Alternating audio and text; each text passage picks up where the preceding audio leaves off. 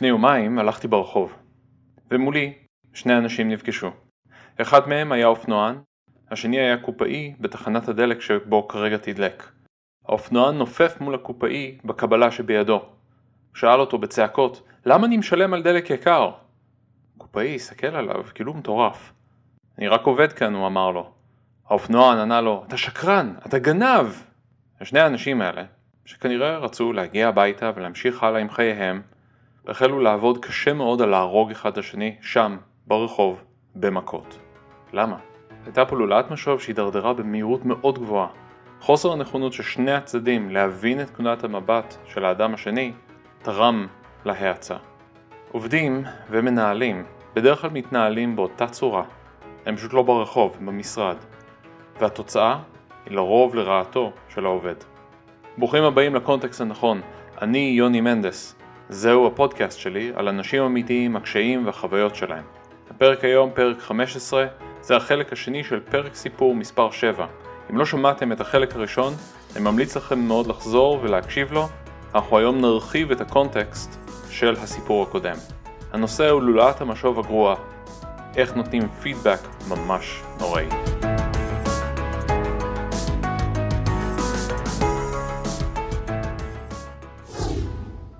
אז נקצר את הפרק הקודם.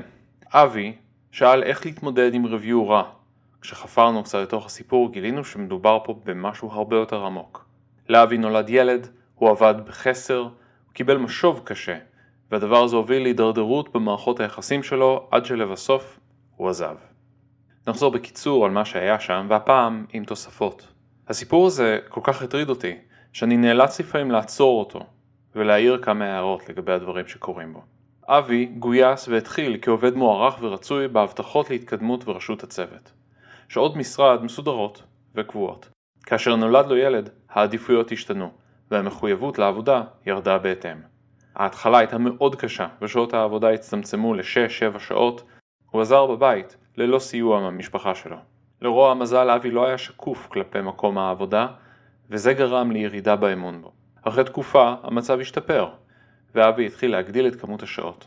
ואז הילד נכנס למשפחתון ומיד החלו מחלות. פרויקט שאבי היה מעורב בו איחר, ושוב, אבי לא היה שקוף. הוא כל יום הודיע שהכל הולך להיות בסדר, ולמחרת היה שוב חולה. האמון בו המשיך לדרוך. כאשר חזר סוף סוף לשגרה, מנהל הקבוצה של אבי קבע איתו שיחה. אנחנו נקרא למנהל המנהל. השיחה הזאת הבהירה לאבי את מקומו בתוך החברה. וגולת הכותרת שלה הייתה השאלה האם אתה אבא או אימא. מיותר להגיד שהשיחה מאוד ערערה את אבי. הוא לקח מטפלת כדי לעזור והרגיש תקוע ושבעבודה אטומים למצוקה שלו. אני רוצה רגע להתעכב על השאלה הזאת, האם אתה אבא או אימא? מעבר לזה שזה מעיד משהו על צורת החשיבה של המנהל, ולא כל כך על המצב, השאלה הזאת לא באמת, השאלה הזאת אפילו בניסוח אחר לא באמת עוזרת לאבי בשום צורה. למעשה, מקום העבודה לא רגיש בכלל למצוקה שלו, בדיוק כמו שאבי הרגיש. זוהי לא שאלה שבאה לסייע לו לפתור את הבעיות או להקל עליו במקום העבודה. זאת שאלה שנועדה לבייש אותו ולהביך אותו ולגרום לו בגלל זה להשקיע יותר שעות בעבודה. אבי הציע כמה פתרונות. הוא הציע לעבור ל-80% משרה, אבל זה לא התקבל. מנהל הקבוצה לא רצה לאבד 20% משרה שתשפיע על השורה התחתונה. ראש הצוות גם ניסה לסייע, אבל נחסם. העבודה מהבית נפסלה על מדיניות החברה בנושא. הפתרון השלישי היה תפקיד מותאם, על זה אנחנו דיברנו בפעם שעברה, ונדלג. אבי מסכם את התקופה בצורה הזאת. הפכתי לשחקן ספסל. כשעבדתי ב-POC הרגשתי ממודר ומופרד מהארגון. כתוצאה מזה, אבי החל פשוט לדייק בשעות של המשרד, ולא הוסיף להשקיע ערך מוסף בעבודה שלו. כאשר שאל מדוע אינו מקבל משימות נוספות להוביל, ראש הצוות אמר לו, אני לא יכול לתת לך משימות צ'ופר כשאתה לא נותן מעבר. איך זה ייראה לאנשי הצוות האחרים? ושוב אני צריך לעצור. זה פידבק ממש ממש גרוע. זה פידבק שלא באמת מתווה לך כיוון למעט תשקיע יותר שעות, ושוב נוטה לכיוון של תחושת אשמה כדי להכניס לך מוטיבציה להשתפר. איך זה ייראה לחברי הצוות האחרים? המסר של ראש הצוות באופן כללי נכון, כלומר, עובד שלא משקיע כנראה לא יקבל את המשימות היוקרתיות שאותן שומרים לעובדים המוערכים של החברה, וזה הוגן. חברי הצוות האחרים אינם חלק מהתמונה הזאת, ואין כאן שום סיבה שיהיה קשר בין פידבק לעובד לבין הנראות מול חברי הצוות האחרים. לבסוף, הערכת זמנים שגויה מאוד של פרויקט גררה פגיעה קשה בהערכה התקופתית. שוב כמה ציטוטים. אין בצוות מקום לבינוניים. אתה ממש לא בינוני, להפך. אם רק היית מתמיד ומגיע.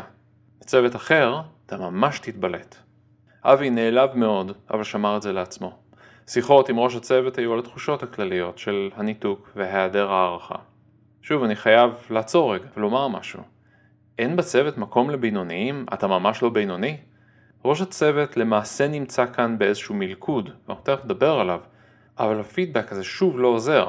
מצד אחד אין בצוות מקום לבינוניים, אבל אבי הוא לא בינוני מסתבר. אז מה בדיוק אבי צריך לעשות? ראש הצוות כן אומר שאם רק היית מתמיד הוא מגיע, אבל גם זה לא עוזר. אבי לא בוחר לא להתמיד ולא להגיע, אבי עושה כמיטב יכולתו. הפידבק של ראש הצוות אולי מתאר את המצב, אבל לא מציג שום צורה של פתרון או אפשרות להתגבר על הבעיה הזאת. הוא רק מחזיר את אבי כל הזמן לאותו מקום. תקיעה. אטימות. הערכת החסר לא גרמה לאבי להישאר יותר שעות או להשקיע יותר. ההערכה, לתחושתו, לא שיקפה את המציאות. בסופו של דבר, ההערכה הזאת התבטאה בשינוי השכר השנתי שלו. אבי, בסופו של דבר, עזב לעבודה אחרת. מנהלים משוב הוא דרך לשקף התנהגות חזרה אל העובד. הכוונה היא לא להטיל ספק בבחירות קודמות או להגדיר את העובד עצמו בצורה שלילית, אלא להראות את תוצאות הפעולות של העובד וכיצד הן משתוות לתוצאה הרצויה. ההתעסקות בערכים מוחלטים, דעות וניחוש העתיד מיותרים לגמרי, ללא דוגמאות ברורות, ללא יעדים מוגדרים ומוסכמים, והתמקדות בהתנהגות המוגדרת, אין טעם לתת משוב. הוא מבלבל, מתסכל ולא עוזר. ראשי צוות תקועים בין טובת הארגון מול הקושי של הפרט. עובד במצוקה יעריך הבנה, מרחב וסיוע ויחזיר גם בעתיד. השיקולים של ארגון במצוקה באים על חשבון הפרט, אבל בסופו של דבר נשענים על מה שהפרט מוכן לתת. במילים אחרות, מה שהשקעתם בפרט יחזור אליכם בתקופות הקשות של החברה. אמון בדרך, בתרבות הארגונית, בחברים, בראש הצוות, במוצר, הכל ניזון ממערכת היחסים עם הארגון.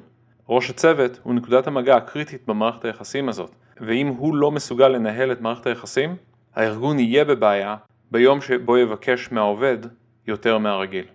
אבל מה אם נעשה את זה הפוך? מה אם הרגיל יהיה נורא לחוץ כל הזמן? ככה הרי נחזיק את העובדים כל הזמן ב-urgency של הצלחה. אז יהיו כאלה שיגידו, רגע, אם אתה מחזיק כל הזמן את העובדים באווירה של לחץ, אז זאת תהיה הנורמה, אתה לא תצטרך לבקש מהם יותר. זה לא בדיוק עובד ככה. הישגים בטווח הקצר דורשים השקעה ארוכת טווח לפני כן. צוות שתמיד נמצא במצור לא יבדיל בין מטרה חשובה לקריטית או בין צרכים מיידיים לכאלו שניתן לדחות. ההחלטות בשטח יהיו שגויות. עובדים, אמירות מוחלטות של מנהל צריכות להיות מגובות על ידי דוגמאות, אפילו אם הן מעורפלות כדי להגן על פרטיות. אם הן אינן זמינות, אז צריך להתייחס לכך ולהבין מהם המדדים לשיפור. אל תעזבו את החדר. זה צריך להיפתר, וזה צריך להיפתר בשיחה הזאת. איזון עבודה פנאי אינה האפשרות לעבוד פחות שעות. זאת האפשרות להעביר את השליטה על שעות העבודה לעובד עצמו. השליטה הזאת היא בהתאם לסביבה, האפשרויות והדגישים התרבותיים של החברה. שליטה מהסוג הזה מחליפה את ההגדרות הגלובליות, הנוקשות והבלתי מתפשרות של החברה ומאפשרת התאמה אישית. זה הכוח של איזון עבודה פנאי. בדרך כלל, זה לא ראש הצוות שמחליט על פיטורים, זה יהיה המנהל שלו. ראש הצוות בעמדה רגשית מאוד בעייתית בכל מה שקשור לביצוע של החלטות על פיטורים. אז יש כאן שתי אפשרויות. או שהפיטורים נעשים ביוזמתו של ראש הצוות, כנראה מצב באמת גרוע, אבל באישור המנהל שלו, או שהמנהל הוא זה שיוזם, וראש הצוות בסך הכל מעביר את הידיעה. על מציאות הזאת ניתן להשפיע בעזרת מערכת יחסים עם הסקיפ. הרעיון הוא שאתה מנהל מערכת יחסים עם המנהל, במקביל למערכת היחסים שלך עם ראש הצוות. במצב הזה אתה משקף לארגון יותר מהחיים שלך, אתה מערב את המנהל היותר בכיר בחיים היומיומיים שלך, ואתה יוצר מערכת יחסים עם בן אדם שיש לו הרבה כוח והשפעה על העתיד שלך. שים לב, אתה לא הולך מעל לראשו של ראש הצוות, הכל צריך להיות גלוי ומתואם וברור, וראש צוות חכם גם יעודד את העובדים שלו לעשות בדיוק את זה. הורים, לילדים שלכם יש תבניות ידועות. בין אם זה טיולים בגנים, פעילויות של בית הספר, חוגים, מחלות תקופתיות, זמן משפחה, מטפלות. דברו עם הורים אחרים ותכננו יחד עם הארגון שבו אתם עובדים את התקופות הקשות שלכם. ככה, במקום שכל יום יהיה הפתעה חדשה, אתם תהיו מסוגלים לתכנן בצורה ארוכת טווח, ככה שמנהלים שלכם יוכלו להכין את התשתית ואת הסביבה לתקופות קשות אצלכם. עובדים, אם לא תשתפו את ראש הצוות שלכם, לפחות ברמה שטחית, במה שקורה בחייכם, לא תהיה לו שום דרך לדעת מה קורה איתכם. בלי המידע הזה הוא לא יכול לבצע החלטות, הוא לא יהיה מסוגל להתחשב בתהליכים שאתם עוברים, והוא בטח לא ידע שקשה לכם ושאתם זקוקים לסיוע ממקום העבודה וממנו, אישית. זהו זה. יש לכם שאלות נוספות, או אולי מחשבות? אולי אתם סתם רוצים לדבר איתי. הצטרפו אליי וצרו קשר בפייסבוק, עמוד הקונטקסט הנכון, או באימייל write.context.podcast@gmail.com. תודה רבה לעורך שלי, אברי מיוזיק. הסיפור מוגש כמו שקיבלתי אותו, לא בדקתי עובדות, לא הצלבתי מידע. הסיפור הוא אישי, והרעיונות שניסינו עבדו או לא עבדו בקונטקסט הנכון. ייתכן שהם לא יעבדו בשבילכם בקונטקסט אחר. אם אהבתם, תנו בהמלצות לחברים, משפחות ולפחות לגמל שלמה אחד. תודה רבה על ההאזנה, ניפגש בפעם הבאה בקונטקסט הנכון.